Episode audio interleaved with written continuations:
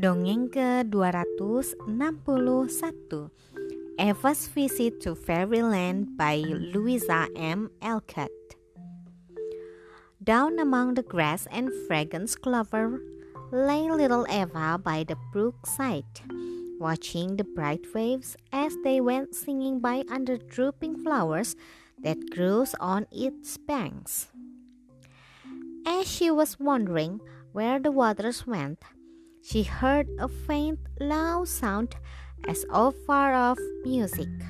She thought it was the wind, but not a leaf was stirring, and soon enough the rippling water came a strange little boat.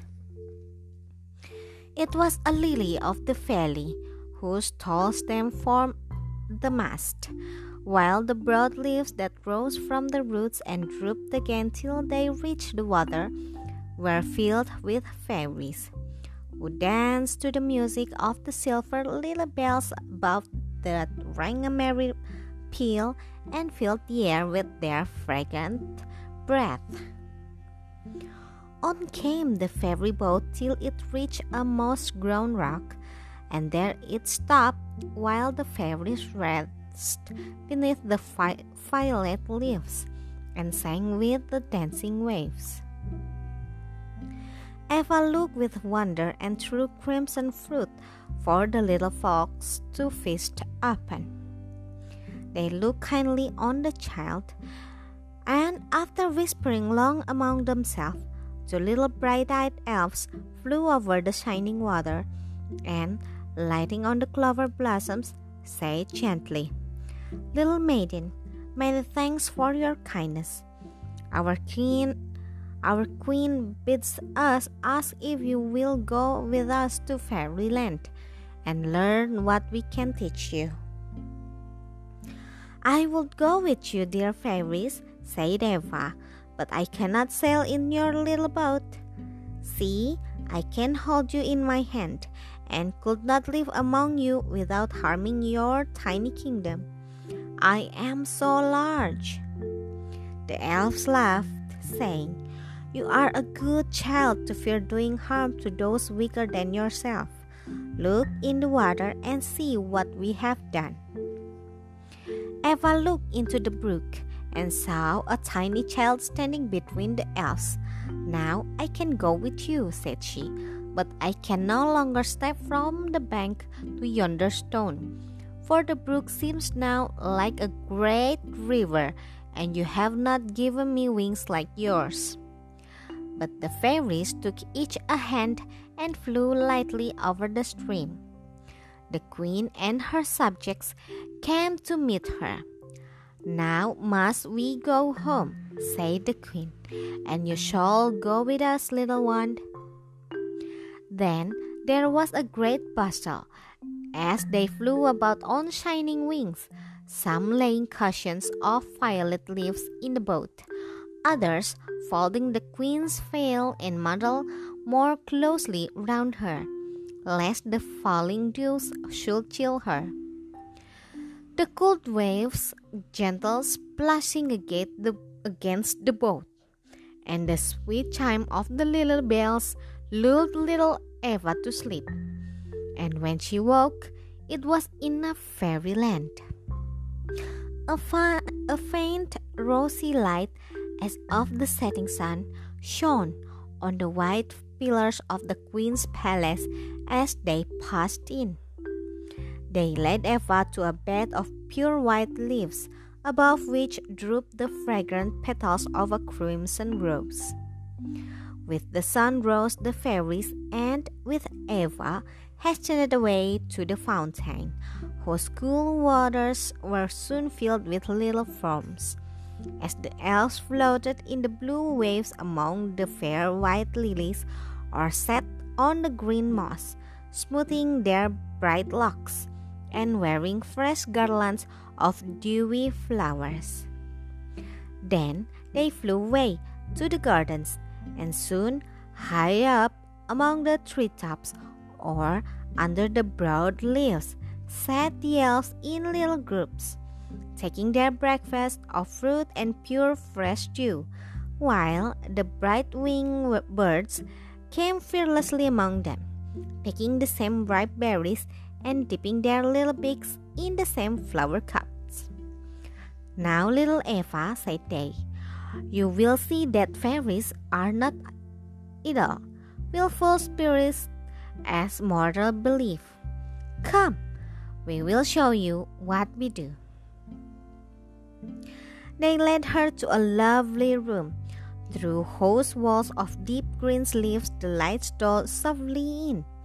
Here lay many wounded insects and creatures, and pale drooping flowers grew beside urns of the healing herbs, from whose fresh leaves came a faint sweet perfume. Eva wondered, but silently followed her guide. Little Rose Leaf, who went to the insects, first to a tiny fly who lay in a flower leaf cradle. Do you suffer much, dear Gauzy Wing? asked the fairy. I will bind up your poor little legs. So she folded the cool leaves tenderly about the poor fly, bathed his wings, and brought him refreshing drink, while he hummed his thanks and forgot his pain. They passed on, and Eva saw beside each bed a fairy who, with gentle hands and loving words, soothed the suffering insects. Then Roseleaf led Eva away, saying, Come now to the flower palace and see the fairy court. Beneath green arches, bright the birds and flowers went Eva into a lofty hall. The roof of pure white lilies rested on pillars of green clustering vines, while many colored blossoms threw their bright shadows on the walls as they danced below in the deep green moss. Suddenly, the music grew louder and sweeter, and the fairies knelt and bowed their heads as on through the crowd of loving subjects came the queen, while the air was filled with gay voices singing to the welcome her. She placed the child beside her, saying, Little Eva, you shall see now how the flowers on your great earth bloom so brightly. A band of loving little gardens go daily forth from fairyland to tend and watch them.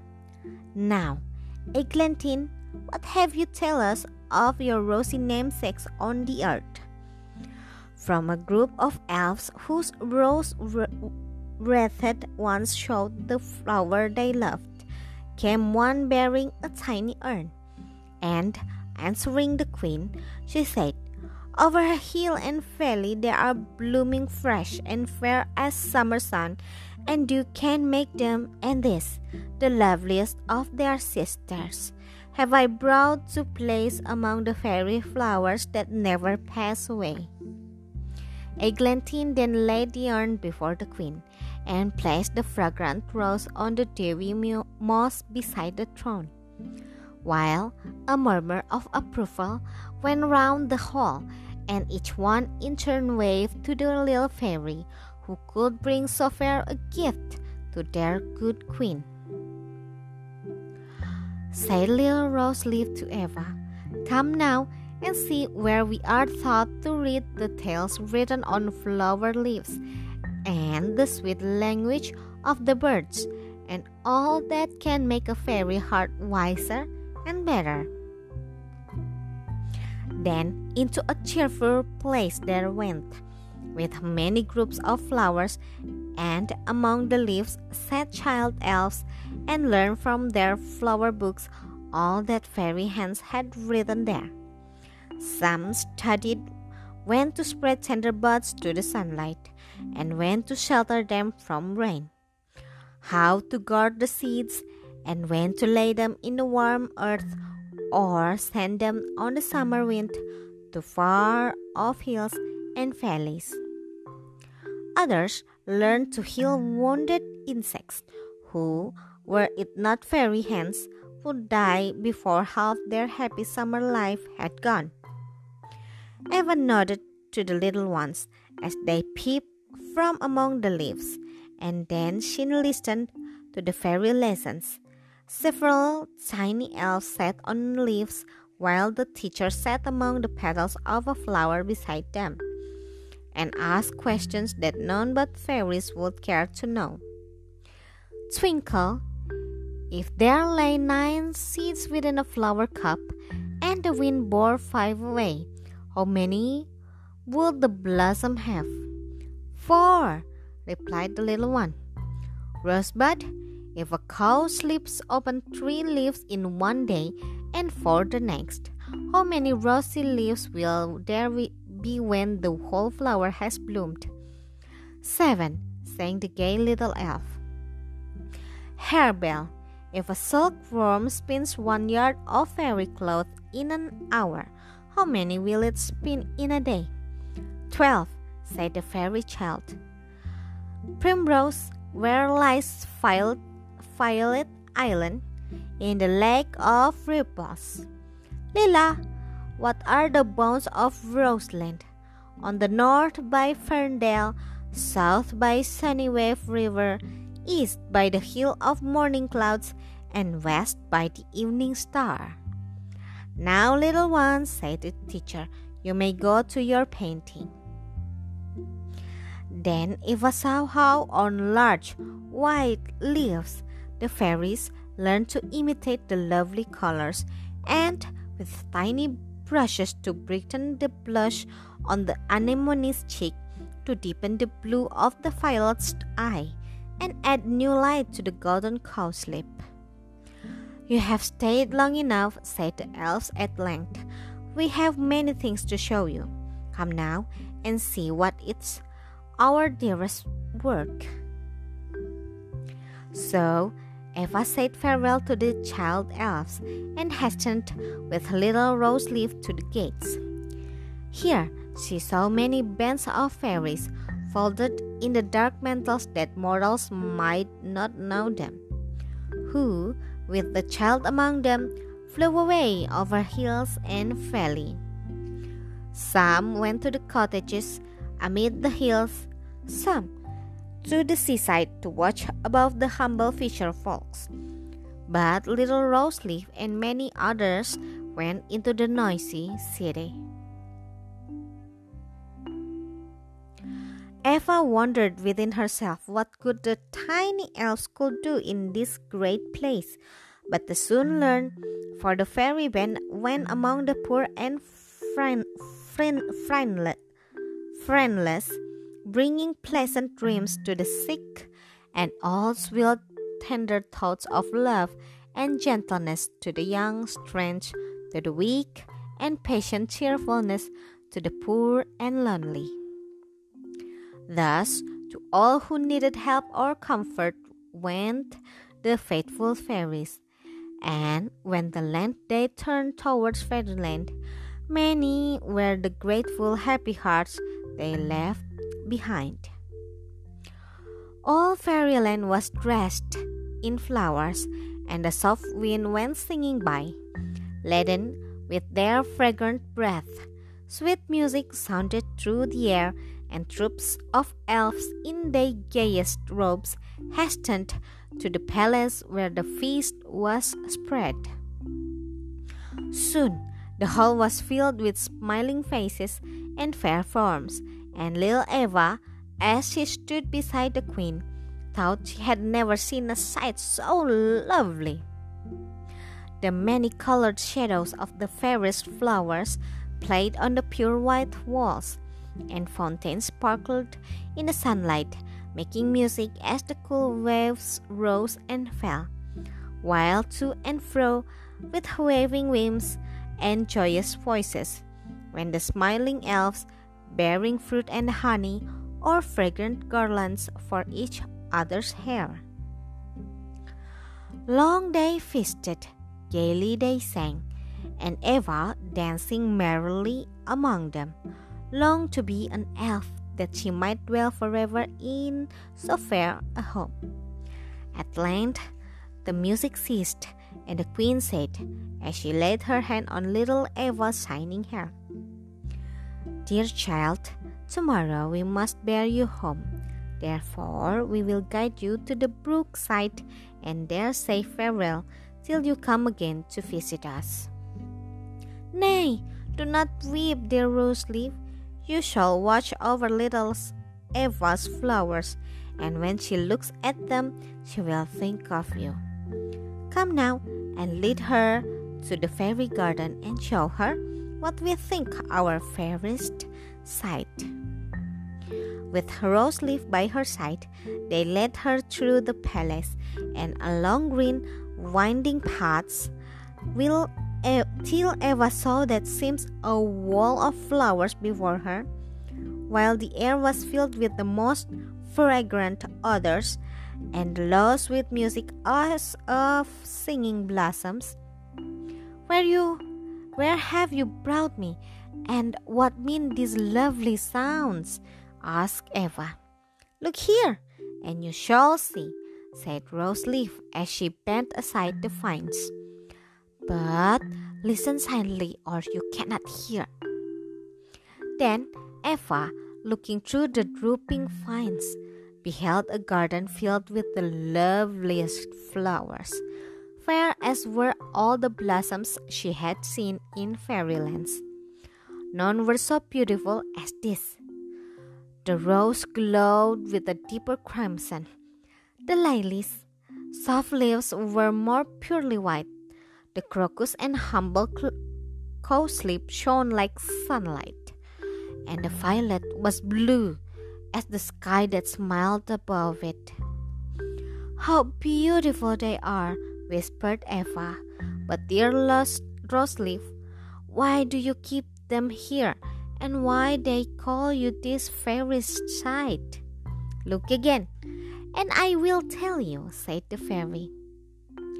Eva looked and saw from every flower a tiny form come forth to welcome the elves who all save Roseleaf had flown above the wall, and were now scattering dew upon the flowers' bright leaves, and taking gaily with the spirits who gathered around them, and seemed full of joy that they had come. The child saw that each one wore the colors of the flower that it was its home. Delicate and graceful were the little forms bright, the silken hair that fell about each lovely face, and Eva heard the low, sweet murmur of their silvery voices and the rustle of their wings. She gazed in silent wonder, forgetting she knew not who they were, till the fairy said, These are the spirits of the flowers, and this the fairy home where they come to bloom in fadeless beauty here when their earthly life is past. Come now, for you have seen enough. We must be away. On a rosy morning cloud went Eva through the sunny sky. The fresh wind bore them gently on, and soon they stood again beside the brook, whose waves danced brightly as if to welcome them. Now we say farewell, said the queen, as they gathered nearer to the child. They clung about her tenderly, and little Roseleaf placed a flower crown on her head, whispering softly, When you would come to us again, stand by the brookside and wave this in the air, and we will gladly take you to our home again. Farewell, dear Eva, Think of your little rose leaf when among the flowers. For a long time, Eva watched their shining wings and listened to the music of their voices as they flew singing home. And when at length the last little form had vanished among the clouds, she saw that all round her, where the elves had been, the fairest flowers had sprung up and the lonely brookside was blooming garden. Thus she stood among the waving blossoms, with the fairy garlands in her hair, and happy feelings in her heart, better and wiser for her visit to fairyland. Sekian, terima kasih telah mendengarkan. Selamat malam.